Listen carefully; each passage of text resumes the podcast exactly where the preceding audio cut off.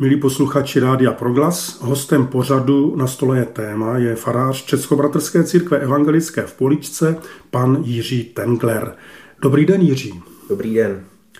Povídat si s Jiřím budeme o Jeronimu Pražském, tedy o mladém muži, který ani ne za rok zemřel stejnou smrtí na stejném místě jako mistr Jan Hus. Jiří, pokud vím, tak Jeroným Pražský nám toho v písemné formě po sobě mnoho nezanechal. Co víme o jeho životě? Je pravda, že ty střípky z Jeronýmova života se skládají dost složitě. To je velký rozdíl oproti Janu Husovi, který psal jako diví. Eh, od Jeronýma nemáme prakticky skoro nic. Máme hodně svědectví z jeho okolí, protože Jeroným byl výrazná postava a e, hodně lidí nějakým způsobem rozdráždil, takže ti o něm později píšou. Jak e, samotné jméno napovídá, Jeroným pocházel z Prahy, přesněji z Nového města, což bylo v té době opravdu nové město pražské, protože Jeroným se narodil na sklonku vlády e, Karla IV. Karel IV., jak známo, chtěl z Prahy udělat světovou metropoli a založil kolem starého města Pražského nové město Pražské, kam přicházela řada českých obyvatel z okolí a tam se eh, Jeroným v roce 1378, 79, 80 narodil. Přesnější údaje nemáme, vypočítáváme to zpětně z nějakých záznamů ve školských knihách. Vyrůstal v Praze a právě ta Praha, která v té době nebyla jedním městem, byla to vlastně tři města vedle sebe, staré město Pražské, nové město Pražské a malá strana. Pražský hrad ten stál ještě úplně stranou, jakožto sídelní místo tak eh, každé to město mělo svůj charakter. Staré město bylo vznešené, Eh, zakotvené v tradicích. Nové město bylo, byla dynamicky se rozvíjející oblast a docházelo taky k napětí jazykovému, možná bychom dnes řekli národnostnímu, protože staré město Pražské bylo ještě eh, v rukách eh, německy mluvících končelů, zatímco Nové město Pražské, tam byl ten český mluvící živel naprosto vedoucí a dominantní. Díky tomuhle původu zřejmě Jeroným už od dětství byl konfrontovaný s Němčinou a tu Němčinu na slušné úrovni ovládal, jak pak ukazuje jeho zdatné cestování po cizích krajích. Tak to moc děkuji za to, i za to rozdělení té Prahy na ta města. Nikdy jsem si asi takhle to úplně nepředstavoval, že to byla na sobě nezávislá města, i když jo, no, slyšel to člověk mnohokrát, ale ty jsi to řekl tak hezky, že mě to teďka došlo. Takže asi i v té nějaké konfrontaci a prolínání těch eh, prvků různých kulturních, světových, tam se někde rodila ta jeho osobnost. Určitě a navíc staré město Pražské bylo sídlem univerzity. Proto tam taky bylo mnoho těch eh, cizinců, kteří mluvili jinou řečí než češtinou, protože Praha byla opravdu velkým magnetem. Počet studentů byl určitě v řádu stovek. A e, oni sídlili právě, pobývali převážně na tom starém městě, kde se odehrávala ta výuka. Je Takže možné... ta konfrontace byla i s těmi studenty, že ho potkával, přesně tak. hrál s nimi hry na ulici, chodil do hospody a tak dál. No, lze se domnívat, že Jeroným po té univerzitě pošilhával zřejmě už od dětství, protože byl nesmírně nadaný. E, my o jeho předuniverzitním vzdělání zas tak moc nevíme, ale můžeme vycházet z těch vzorců vzdělávacích, které ten, se tenkrát uplatňovaly, zejména v Praze, kde e, žilo hodně vzdělanců, bylo těžké uživit, e, určitý způsob obživy jim nabízelo školství, takže existovaly při farách školy, kde se vyučovalo základním dovednostem. Hlavně se tam také vyučovala latina, což byl jazyk, který otevíral brány k dalšímu vzdělání, protože veškerá literatura z jakéhokoliv oboru existovala pouze v latině. Dalším takovým zdrojem, kde asi Jeroným eh, přičuchl ke vzdělání nebo vůbec které rozšířilo jeho obzory, byla církev a chlapecké pěvecké sbory, které zpívali při bohoslužbách, samozřejmě v latině. Víme, že byl dobrým zpěvákem. A tu průpravu měl zřejmě z nějaké takovéto eh, pěvecké školy, která eh, doplňovala to jeho vzdělání a taky mu umožnila vlastně zapustit kořeny v tom eh, širokém proudu života, který byl kromě školského vzdělání i ten náboženský život. No, takže když pak se přihlásil na univerzitu, tak tu latinu měl podle všeho velmi dobře zvládnutou už, takže pro něj nebyla překážkou, nemusel nic dohánět. Z toho, že se na univerzitě nedochoval seznamu studentů, kteří žádají o prominutí poplatku, se usuzuje, že nepocházel z úplně nuzných mhm. poměrů, že byl nějak zabezpečený otec, jestli měl nějaké řemeslo na Novém městě. Takže, takže o jeho rodičích a sourozencích případně nic, nevíme nic. Nic, nic, nic. nic se neví. Akorát to, že byl Pražan. No. Jo. A studoval jenom v Praze, nebo šel pak někam dál? No, on toho studia zvládal nesmírně hodně. Když nastoupil na univerzitu, to bylo zhruba, když mu bylo tak 19 let, tak se tam eh, setkal už s Janem Husem, který byl o pár let starší než on a vzhledem k tomu pokročilejšímu stavu studia měl také odpovědnost za výuku studentů. Oni se poměrně brzo zpřátelili a na té fakultě artistické, která se tenkrát nazývala, dnes bychom ji přirovnali fakultě filozofické, se prováděla průprava studentů k myšlení, k mluvení, k osvojení těch základních znalostí představ o světě. Obzvláště mezi těmi českými mistry bylo hodně rozšířené učení Jana Wycliffa z Anglie, John Wycliffe, který poskytoval svými nevšedními úvahami eh, hodně podnětů k úvahám. Jeroným Pražský se přidal k tomuhle kroužku, nebo už vlastně kruhu lidí, kteří se o Vyklefa živě zajímali a dokonce se mu podařilo získat stipendium pro studium na některé ze západních univerzit. Bohatý mecenáš, který chtěl podporovat české studenty jinde než na Pražské univerzitě, aby jim rozšířil obzory, poskytoval tato stipendia a on toto stipendium, které nebylo nějak bohaté, využil k tomu, aby se vypravil do Oxfordu, což je univerzitní město v Anglii, kde Wycliffe působil, protože se právem domníval, že tam u zdroje nalezne mnoho Wycleffových spisů. Někdy mezi lety 1401 1403 pobývá eh, v Oxfordu, kde žije teda hodně bídným životem, Eh, jenom proto, aby si mohl opatřit co nejvíc vyklepových spisů. Jsme v době, kdy eh, ještě neexistuje knihtisk, takže každé psané dílo je originál, patřičně drahý.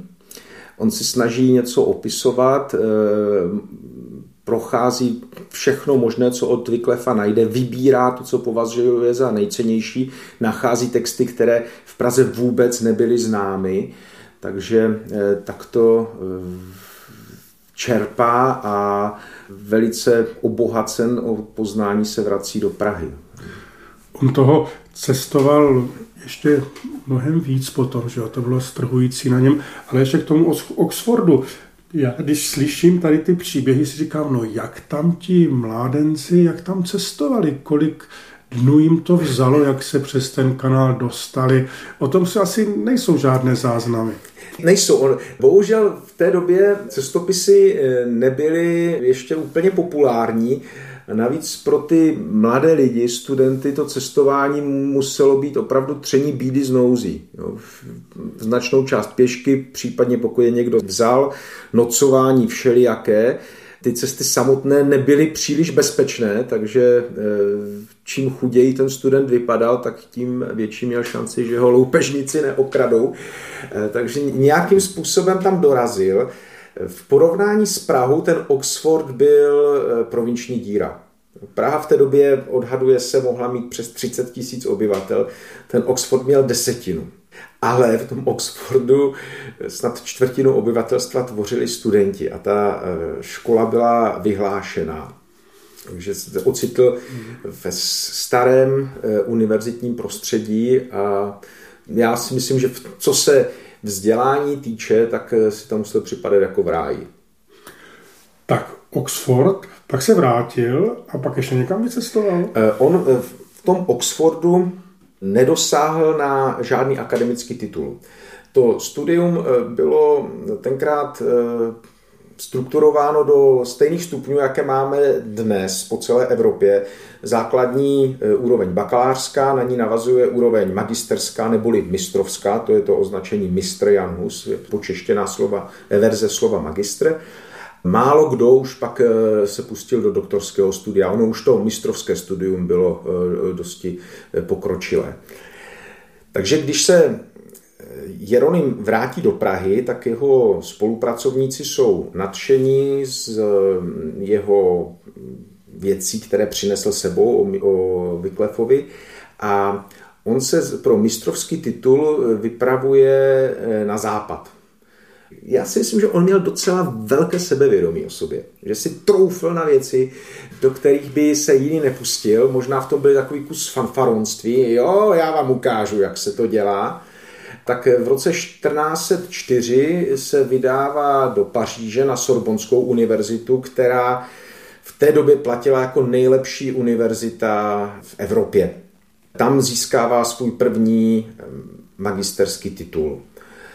Následují pobyty na univerzitách v Kolíně a v Heidelbergu, to bere při zpáteční cestě. Kolín nad Rýnem, teda pro jistotu řekněme. Kolín nad Rýnem, ano, Kolín nad Rýnem, kde eh, pobyde eh, jenom krátce, eh, v Kolíně tam ho to moc nebavilo, protože tam se hlavně studovala práva, ale on tam ten mistrovský titul také získal. A v Heidelbergu, kde pak byl, tak tam vyvolal pozdvižení. On už vyvolal pozdvižení. Co si máme představit pod pojmem vyvolal pozdvižení? Jeroným byl ježatý, on byl ironický, eh, byl nesmírně vzdělaný a díky tomu rozsahu svého vzdělání se rád pouštěl do konfrontací.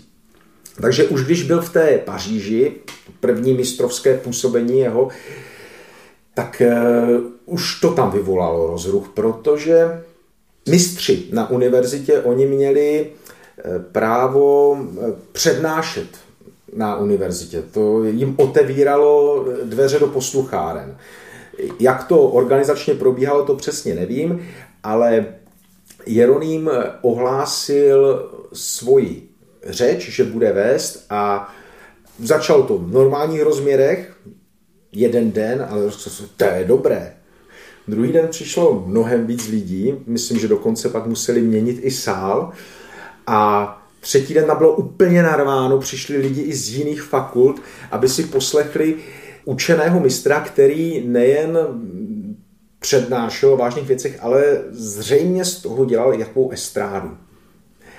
A spor, který se vedl, byl eh, ozvěnou dlouhotrvajících eh, filozofických disputací, kdy eh, učenci zkoumali způsob, jakým my poznáváme svět a jakým o něm mluvíme.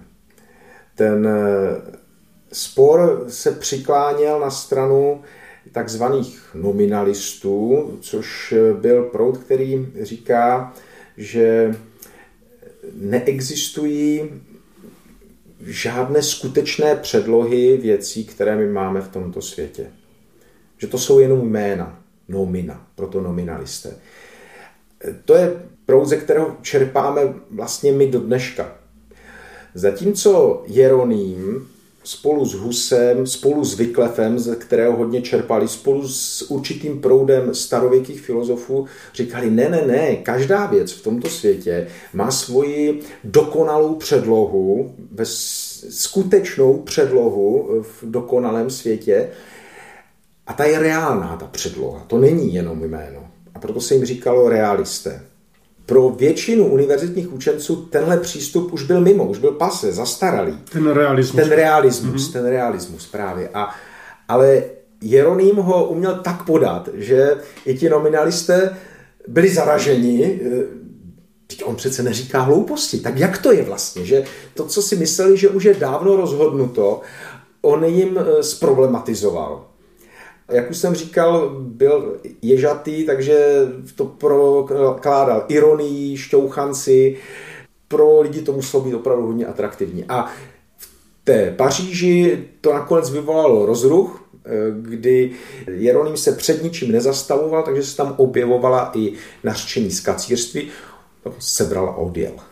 A v tom Heidelbergu to vygradovalo ještě víc, teda. Tam to mělo mnohem ostřejší průběh. A, a ví se o tom něco? Neví se nic bližšího. V tom Heidelbergu. Házeli stoly po sobě. Nebo... V tom Heidelbergu, ano, ten průběh tam je, tam eh, to je docela eh, zpracované. Jeroným přišel do Heidelbergu někdy v květnu 1406, prokáže mistrovské znalosti, čili získává titul mistra, co už je třetí univerzita, kde ten titul získává. A jakožto mistr má právo na veřejné slyšení, takže svolá přednášku a tam vyvolá podobný rozruch jako v Paříži, akorát tam jsou ty tábory mnohem víc vyhrocené. Tam ho považují za vyloženě za provokatéra, který přináší mm, jakési diverzní vlivy úplně tak mu zakážou eh, pokračovat v té přednášce, zakážou studentům, aby tam na tu přednášku přišli, tak on, ale jak je rozjetý, tak napíše pozvánky, oblepí město plakáty, že bude pokračovat na nějakém prostranství u Hřbitova eh, o den později. A před eh, nějakým větším incidentem ho zachrání pouze to, že v tom městě se strhnou nějaké potyčky, bouře, něco úplně jiného, po jiné koleji, nějaký konflikt, takže Jeroným e, zůstane stranou a odjíždí pak do Prahy. Následkem tohoto e, Jeronýmova vystoupení v Heidelbergu bylo, že univerzita přijala předpis, podle kterého nový mistr, když má mít přednášku, tak musí e, předložit ke schválení její osnovu, aby nevyvolal podobný rozruch jako Jeroným. Pravdo milá těžit tebe, proč od nás vstúpila v nebe? Komu si nás poručila, těžit tebe, pravdo milá? Pravda k tomu odpovědě, milý synu, toť povědě, nevím se zde kam podjetí, žádný mě nechtěl přijetí. Kdež jsem se bydlu nadala, tam jídech ano již přitáhla, křivda vůbec všecky k sobě.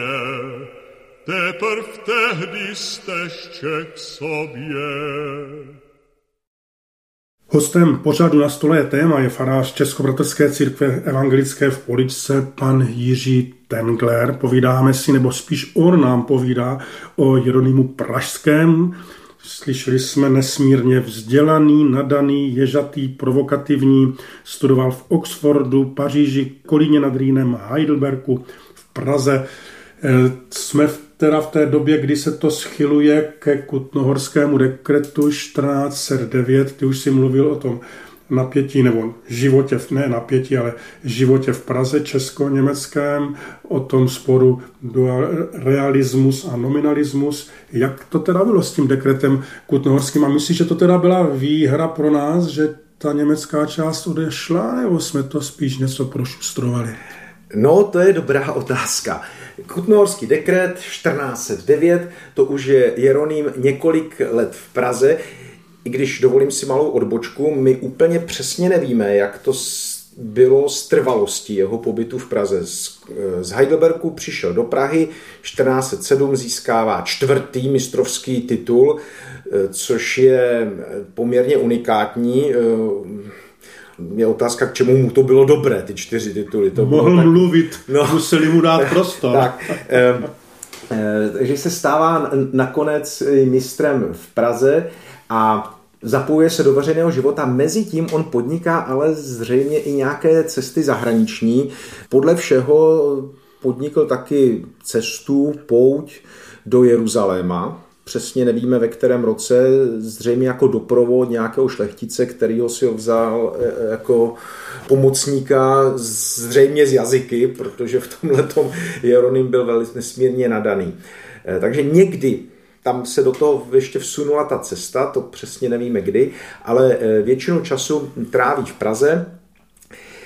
Je v úzkém kontaktu s mistrem Janem Husem, jsou dobří přátelé a e, zajímá se o veřejné dění.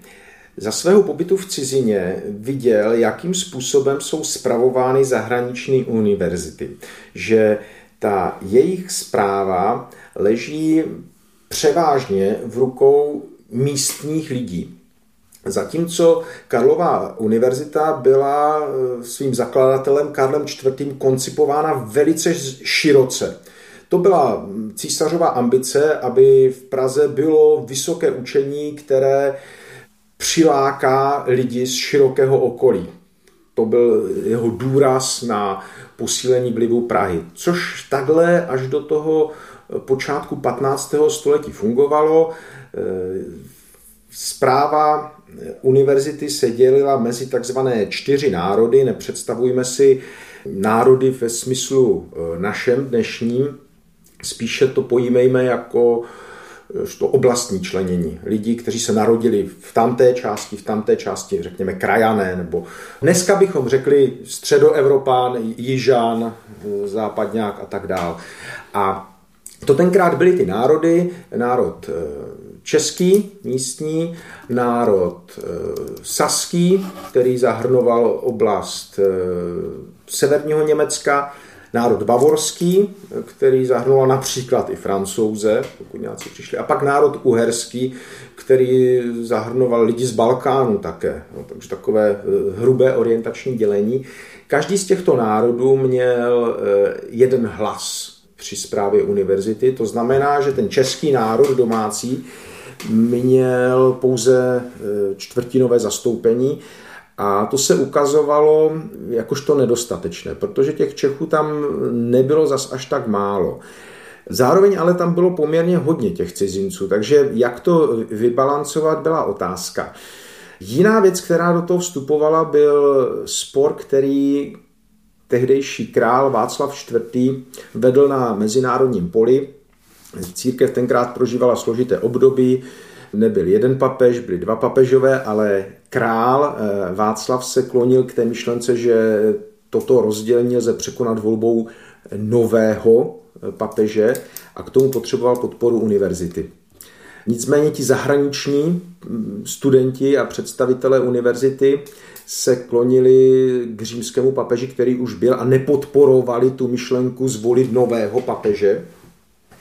Tudíž univerzita ne, nestála za králem v tomto poměrně delikátním jednání a takže se seběhly dva vlivy, kdy čeští studenti a akademici chtěli silnější postavení na univerzitě a zároveň král potřeboval, aby univerzita ho podpořila, tak udělal výměnu, že prohodil počet těch hlasů. Cizinci jeden hlas, Češi tři a rázem univerzita stála za králem, protože eh, čeští akademici podporovali novou volbu eh, papeže.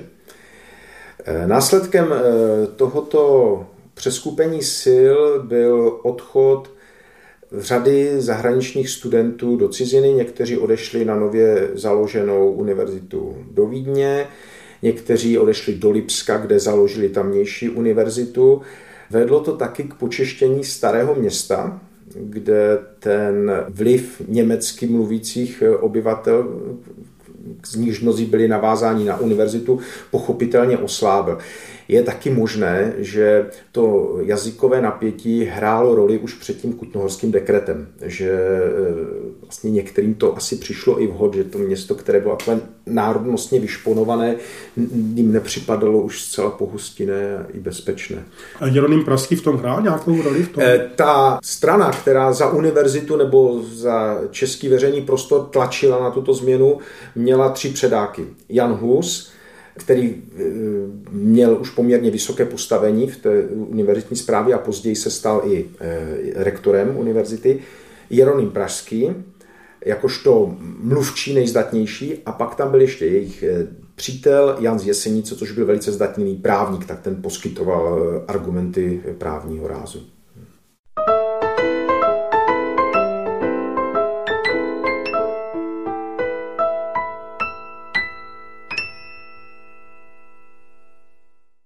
Farář Českobratecké církve evangelické Jiří Tengler a v jeho povídání Jeroným Pražský jsou hosty pořadu Na stole je téma. Jiří, ten Jeroným Pražský teda hodně cestoval, to se zdá z dnešního pohledu až neuvěřitelné. My máme takových možností a když se někam rozkýveme a zdaleka jsme neobsáhli všechna místa, kam se podíval on.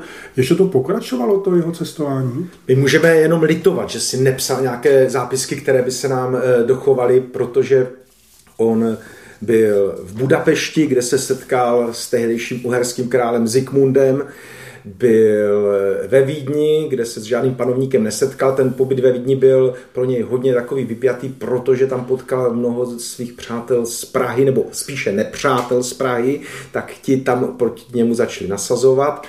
Zřejmě se účastnil eh, diplomatických výprav do Polska. Tehdejší kontakty mezi Českým královstvím a Polským královstvím byly e, intenzivní. Vzpomeňme na Jana Žižku z Trocnova, který bojoval v roce 1410 v bitvě u Grunwaldu a setkal se s polským králem z Polska, kde ho označili za příliš učeného na polský národ, odešel bez nějakého vážnějšího konfliktu směrem na východ do Litvy, eh, čili do oblasti dnešního Běloruska a Litvy, kde se intenzivně setkal s eh, pravoslavnou kulturou, což byla do jisté míry voda na jeho mlín, protože už od Vyklefa znal eh, obdiv k východnímu křesťanství, které nedopustilo ve svém vývoji některé nešvary známé v západní církvi. Prodej odpustku, nucený celibát kněží, přijímání pod jednou. Jo. Tohle všechno bylo na východě neznámé, takže i později husité k tomu pravoslaví svým způsobem eh, vzhlíželi. Eh, takže procestoval eh, tyto oblasti. Je možné, že účast na diplomatické výpravě do Krakova ho zdržela od toho, aby do Kostnice doprovodil mistra Jana Husa. Hus, když zvažoval, zda má jít do Kostnice nebo ne, tak eh, Jeroným ho povzbudil, zřejmě zatím byla i eh, jeho vášeň pro diskusi, pro disputaci. No, Honzo, běž tam, tam jim to všechno vysvětlíš. Jo? A eh, to byl ten jeho styl, který Jeroným razil. Tady možná ještě zmíním v této souvislosti, že na rozdíl od Husa Jeroným nebyl knězem. On se nenechal vysvětit, fungoval jako takový nezávislý akademik. Tomu pak taky častokrát bylo vyčítáno, že se jakožto neduchovní osoba pouští do výpovědí teologických. To přece nemůže. No, on může mluvit tak o filozofii, to má vystudováno, to je jeho. O tom, jak se má přemýšlet, jak se má mluvit, ale ne, jak je tomu s Bohem. To nebyla jeho parketa údajně. Ale on se na ní rád pouštěl a byl vzdělanější zřejmě než většina tehdejších kněží. To byl teda frajer, to byl trošku takový minister zahraničí, viď? Nebo prezident? Spíš náměstek, spíš náměstek, že tu diplomaci tenkrát provozovala šlechta, ale on jim poskytoval takový... A oni ho potřebovali, aby s nimi jezdil a trošku jim dělal vlastně takového rádce. Zřejmě, že? zřejmě, no. Protože jsou vzdělanosti a šarmem eh, a nebojácností asi uměl prorazit cestu tam, kde si oni nevěděli rady. On za svého života nejenže byl čtyřnásobný mistr, ale setkal se se čtyřmi hlavami státu. Tak, no a pak se ocitnul nějak v kostnici, viď? Jak to všechno bylo? Jak už jsem zmínil, tak eh, nešel do kostnice spolu s Janem Husem, eh, přestože o té jeho záležitosti věděl. Do kostnice se dostavil až se spožděním. A on tam šel dobrovolně, nebo ho pozvali, nebo on, se řekl, že pomůže? On, on slíbil, že, tomu, že Husovi bude pomáhat, takže se tam za ním vypravil až na jaře 1415 přesně v tom svém rozevlátém debatérském stylu dorazil ne přímo do kostnice, zůstal stranou, ale zase nechal nadělat plakáty, že by eh, chtěl eh, vystoupit na obranu Husovu a obranu Českého království a čisté víry v Českém království a žádal taky o to, aby mu byla zaručena beztrestnost. Glade, který by ho doprovázel k tomu vystoupení na koncilu. Jenže v té době už ten proces s Janem Husem byl celkem v pokročilé fázi a byla tam taky řada pozorovatelů z českých zemí, kteří Jeronima od toho odrazovali. Řekli, tohle nejde, to tady takhle nechodí jako na univerzitě svobodně, tady to je koncil, eh, tady jde opravdu o život a tak eh, Jeroným eh, se rozhodl, že to vzdá, že odjede, napsal nějaké vysvětlení, proč tomu tak je. Vracel se zpátky do Čech. Takže ještě k tomu, on tam byl, nechal si teda rozmluvit, že ten způsob, kterým to chce provést, asi nepůjde. Ano, ano. Eh, asi je důležité zmínit, s Husem se nesetkal. Nesetkali to se. Nešlo, ne, to nešlo. Hm, no. Tak se vracel zpátky. No. no, vracel se zpátky. Paradoxně ten sněm tu výzvu přijal, ale on už byl pryč, tak to brali jakožto doklad nějaké zbabělosti nebo e, podezřelosti. Jeroným takovým nepřekvapivým způsobem eh, se prozradil na zpáteční cestě, když v nějakém hostinci si pustil pusu na špacír a navážel se do koncilu. A Buď ho někdo poznal, nebo mhm. ho, eh, se, se to někomu nelíbilo, tak ho udal a Jeroným byl zatčen. A to bylo někde až poměrně už na česk, současných česko-německých hranicích. Ně, někde blízko to bylo už, ne, no, no hmm. po, poblíž, no. A tak tu zmínku, kterou si před chvílí řekl, že ten koncil byl teda připraven ho slyšet, to je asi dobré vědět, že jo? Takové eh, trošku v našem takovém nahlížení na, no, na, na to, že to nebylo všechno jenom nefér, že jo? No, prostor. Uh vždycky t- taky záleželo na momentální náladě toho koncilu. Taky, jo? A zřejmě taky dost na tom, jak jim ten který požadavek byl předložen, jak byl zabarven, odstíněn a pak podle toho k tomu... No, když si to taky člověk představí, bez mobilů, počítačů, prostě, že by to všechno hlasování, jak se vůbec ta informace, že no. se to projednalo, že by ho slyšeli, dostala a k němu, k tomu adresátovi, to muselo trvat, nebo no. jak, jakou to mělo věrohodnost, nebo no. pak to někdo spochybnil, no nechce se mě ani přemýšlet. No. Ale tak, tak dobře, zajali ho a... A e, přivezou ho zpátky do Kostnice, to je 23. květen 1415, čili do smrti Jana Husa zbývá 6 týdnů. Tentokrát s tím Jeroniem zacházejí velice tvrdě. Tráví svázaný, měl přivázané ruce k nohám několik dnů bez jídla, úplně ho takhle eh, zdeptají, rozloží pak mu to trošičku zmírní, ale ne moc. On nemá vůbec žádné zprávy o Husově smrti. A. Hus byl v kontaktu přes své dopisy s okolím. Ten, vlastně Hus, i když byl ve vězení, tak byl v, kontakt, v kontaktu s okolí. Ten Jeronym byl v izolaci, on se o Husově smrti dozvídá s dvoutýdenním spožděním.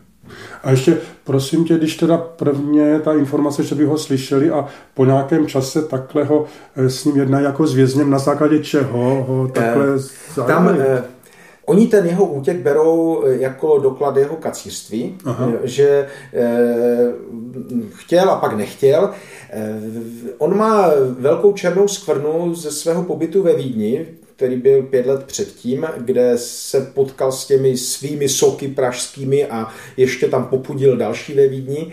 Ti vídenští akademici ho chtěli nějakým způsobem konfrontovat, střetnout se s ním, ale nemohli, protože on nebyl členem Vídeňské univerzity. Takže to nemohli udělat na univerzitním poli, tak na něj zaútočili přes kacířství. Právě přes ty chybné články mm-hmm. Vyklefovi. Vyklef v Anglii eh, nebyl od počátku nahlížen jako kacíř, to teprve postupně gradovalo, gradovalo a vyvíjelo se to hodnocení Vyklefa jako kacíře, tudíž i ti příznivci Vyklefovi postupně byli čím dál tím víc podezřelí. Mm-hmm. Co ze začátku procházelo, později byl mnohem větší problém, eh, takže on eh, tam eh, je známý už tím, že je odsouzený kacíř ve Vídni. Ale to nemělo žádný dopad, protože to nikdo nebyl schopný provést. To, tak on se ocitá před tím koncilem. Paradoxem je, že Vlastně mnozí z těch eh, takzvaných koncilních otců jsou lidé, kteří se s Jeronymem setkali už dříve, při Jeronýmově putování Evropou. Takže oni ho znali, byli svědky některých jeho výstupů a věděli taky, že Jeroným je pěkně ostrý a e, že byl proti ním. Takže tam ještě byli on tam stojí před tím koncilem, kouká po těch lidech a že já toho jsem potkal v Paříži, toho jsem potkal v Kolíně, ano. nebyl tam ten v Heidelbergu, že jo? No, ano, tak nějak to bylo. Ten, ten jo, ne, Damane, no. Jo, a oni mu to, myslím, že mnozí mu to i připomněli, že se to objevilo i v těch obžalobách, co kdy kde řekl. Mm-hmm. A tam ta výtka byla jednak to, že se držel Vyklefa a také, že se pouštěl jakožto filozof do teologických témat. Po Husově smrti ale koncil zvolil trochu jinou strategii, nebo dost jinou strategii, protože říkal, tak, tak odsouzeného kacíře už máme. Teď bychom potřebovali napraveného kacíře. Mm-hmm. A oni začnou s Jeronýmem jednat výrazně, výrazně lépe. E, dokonce za ním pošlou e, jednat, on ne, nevystoupil ještě před tím koncilem, do toho vězení posílají delegáty, kteří s ním jednají, jakým způsobem by on mohl odvolat. Takže když si to představím, jenom já, tak e, jsou oba v Kostnici, Hus mm-hmm. i Jeroným, nenavštíví se, Hus je upálen, Jeroným se to dozvídá ze spožděním, je stále ve věznici nebo vězněn a pak za ním takto přichází. Přicházejí, mm-hmm. přicházejí ti nejsmířlivější a nejvzdělanější. Myslím si, že pro obě dvě ty strany to musel být požitek spolu navzájem debatovat. Jo? A opravdu zacházejí s ním ohleduplně a nabízejí mu diplomatickou cestu, jak eh, se zachránit. Ale zároveň moc sám sebe nepopřít. Mm-hmm. Jo? Takže se zhodnou na tom, že eh, on se zřekne bludných článků u Husa a u Vyklefa, ale nezřekne se toho, co je v jejich učení pravdivé. Že to nechají pod tím letím obecným zastřešením. To je dohoda, se kterou Jeroným přichází před koncil. Nicméně zdaleka ne všichni v těch koncilních hlavicích jsou naladěni podobně smířlivě jako vyjednávači. A ti na eh, Jeronýma útočí a žádají od něho výraznější odsudky. A na to on přistoupí. Mm-hmm. Takže ještě k tomu taky eh, to drama těch vyjednávačů někde v, teda ve vězení, na něčem se domluví, on pak přijde před ten koncil a jak už to bývá, vlastně to domluvené tak úplně neplatí, protože najednou přichází nová skutečnost a pravděpodobně tuší požadavky nebo tvrdší vůči Jeronýmovi a on to znovu se s tím musí teda nějak vyrovnávat a na to přistoupí. Jo? Na to přistoupí, takže on, tam těch kroků bylo ještě několik, ale výsledek je takový, že on eh, se Husa zřekne. Eh, zřekne se kacířství, ale eh, není propuštěn z vězení. Ví se zhruba ten čas, kdy to bylo? To je podzim 1415. Mm-hmm. Jo. Jo. Ono se to vleče. Takže se zřekl Husa, ale nebyl propuštěn. Nebyl, nebyl propuštěn. Mm-hmm. Ta jeho zkušenost ze samovazby, z toho kruto zacházení musela být strašná. Taky on byl v izolaci.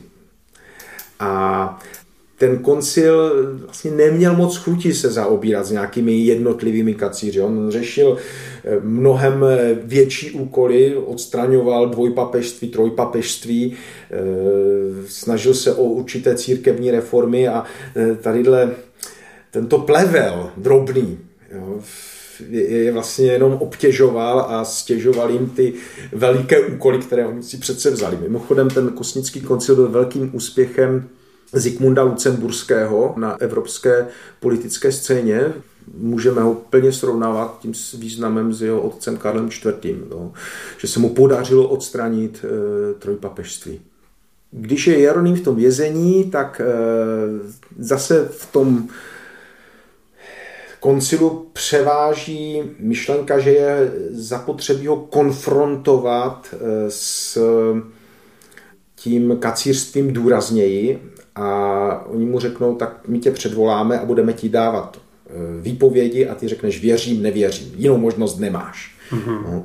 A to už je ve chvíli, kdy to už jsme se přehoupli do jara 1416, to je ve chvíli, kdy Jeroným už lituje toho, že se zřekl Husa, taky mu dochází, že když už jednou odvolal, oni ho nepustili, takže ta cesta pryč zřejmě není. Také tam asi hrálo roli vědomí, že mučednictví patří k jednomu z rysů křesťanství. Že to je znak pravé církve. To je to, oč Husovi Jeronýmovi šlo. Jaká je ta pravá církev? Která církev tady na zemi nejvíc odpovídá té skutečné reálné církvi v tom dokonalém světě. Oni řeknou, to je ta církev, která naráží na odpor mocných. To je ta církev, kde mučedníci přicházejí o svůj život kvůli víře v Krista.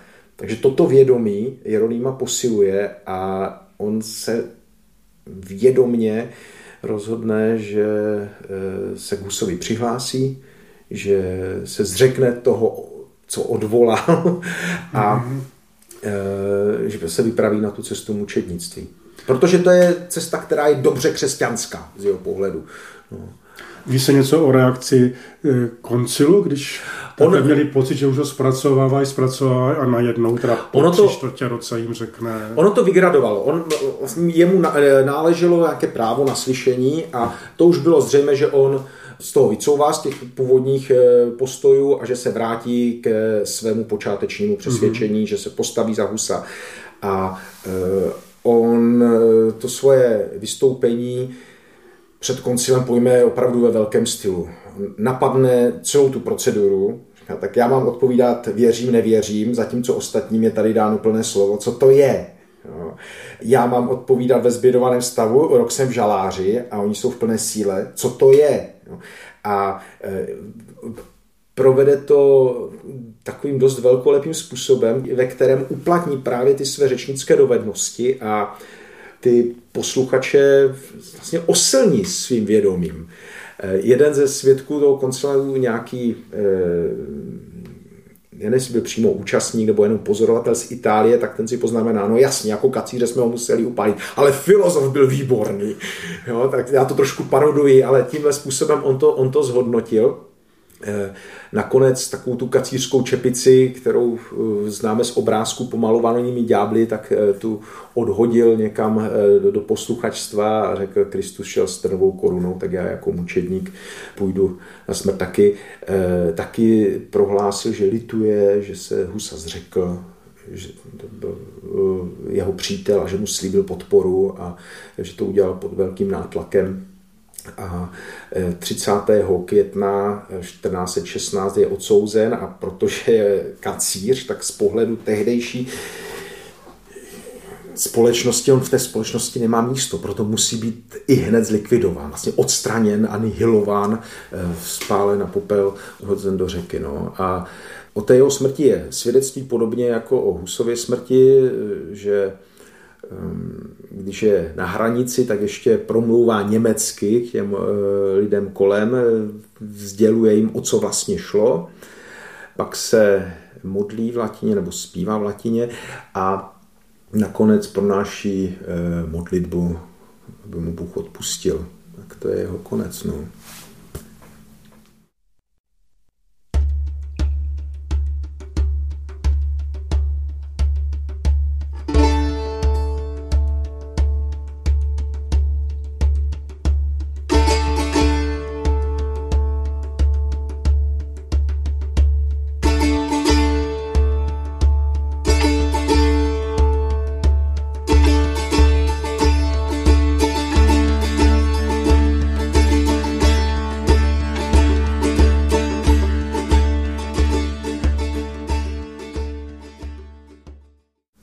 Evangelickým farářem Jiřím Tenglerem si Daniel Ženatý povídá o Jeronimovi Pražském. Už jsme došli k jeho smrti v Kostnici 30. května 1416 na stejném místě se traduje, jako byl upálen jeho přítel mistr Jan Hus. Je to těžké téma, ale říká se také, že eh, Hus měl v něčem tu smrt snazší než Jeroným. Jak to bylo? Kolem Husa byl okruh přátel, kteří si mohli dovolit to, co prý tenkrát při upalování bývalo běžné, podplatit katovi pacholky, aby nachystali obzvlášť suché dřevo, čímž ta poprava byla rychlejší. Jeroným už tolik pozornosti neměl, čeští páni odcestovali po neúspěchu Husově z Kostnice, takže jich tam moc nebylo a Údajně ta Jeronimova smrt byla hodně trýznivá, protože to dřevo špatně hořelo, takže on se tam dusil dlouho v dýmu. No, po smrti oba dva ale svorně společně začali být uctíváni českou církví jako mučedníci kostničtí a byli uctíváni pospolu. Jo? Nebylo to, že by Jan Hus byl nějak výš, zvlášť, oba dva byli nahlíženi na stejné úrovni. Jak se stavět k historickým událostem, k těmto příběhům? Je nějaká paralela, nějaká spojnice, odkud můžeme něco čerpat, co nám může pomoct? Jak se k tomu ty jako Jiří Tengler stavíš? Určitě je tam několik věcí. Tak eh, jednak hluboké přátelství mezi lidmi, které drží, eh, podněcuje eh, k činům, k myšlenkám. Druhá věc, která je na Jeronimovi uchvacující přímo, je jeho vzdělanost. Ta touha po moudrosti, po poznání, eh, potom eh, vyjádřit se, diskutovat, mluvit eh, otevřeně, zároveň ale s pádnými argumenty. To je věc, kterou v současnosti nesmírně potřebujeme. Také, to je třetí věc, která je na Jeronimovi pozoruhodná, právě díky tomu nadhledu, se umět vysmát hloupým lidem. Hmm. Poučeně, trefně, bez nenávisti, ale zároveň s tím, že eh, tu jejich hloupost odhalíme. To bychom se mohli učit. To si mohou dovolit, ale opravdu lidé jaksi vzdělaní a jistí v kramflecích. To Proto je... potřebujeme vzdělance, Proto aby potřebujeme... se smáli hlupákům, tak aby tomu ostatní rozuměli, oč tam jde. Jiří, moc ti děkujeme. Bylo to strhující vyprávění o Jeronimovi Pražském. Jsem moc rád, že jsme si takhle spolu mohli povídat. Děkujeme, měj se moc pěkně. Vzdělávej se, abys mohl mluvit i k nám a abys nám mohl takovéto příběhy eh, podávat. Díky. Měj se moc hezký. Naschledanou. Naschledanou. Tak to bylo, milí posluchači, povídání s farářem Českobratecké církve evangelické v Poličce, panem Jiřím Tenglerem. Jemu i vám přeje pěkný den Daniel Ženatý. Naschledanou. Pravdo milá těžem tebe, proč od nás vstúpila do nebe, komu s nás poručila. Těžem tebe, pravdou milá.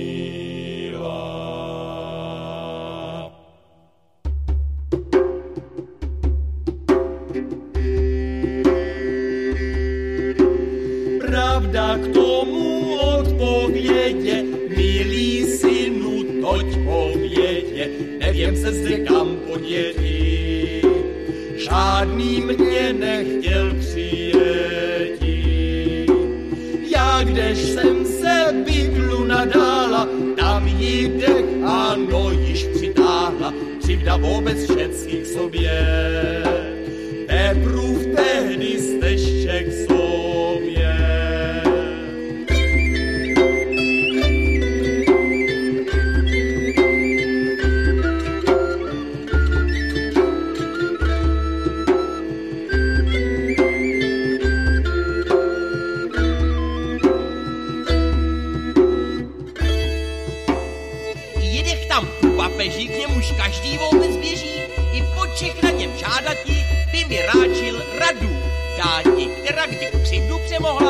Jež to umé věno sáhla. Chápeš odpovědě k tomu? Já ti nemám prázdnosti k tomu. Poručím tě kardinálu. Učeme sebe jich tam do. Ať poradě i pomohu.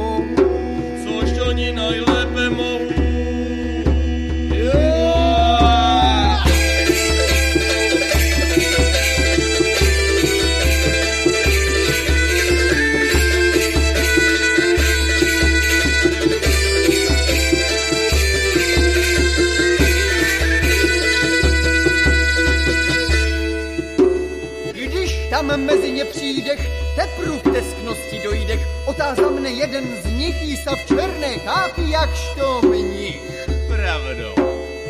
Proč si ty sem přišla? Co zde chceš? Proč před nás cestu nejdeš? Chceš ty sobě konec vzěti? Musíš mnoho zlatých měti. A druhý podle něho sedě odpovědě na mě hledě. Pravdo, zde konce nemáš když nám dosti zlatých nedáš.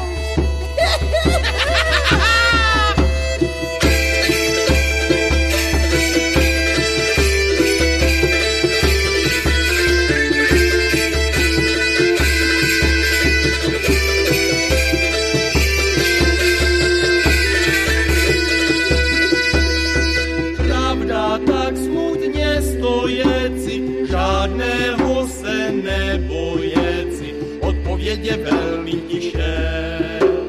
Až vůdc ano svatá říše. Od vás kněží vzmatek přišla, vysík nemudrého smysla, která k divným během běže. Kardinál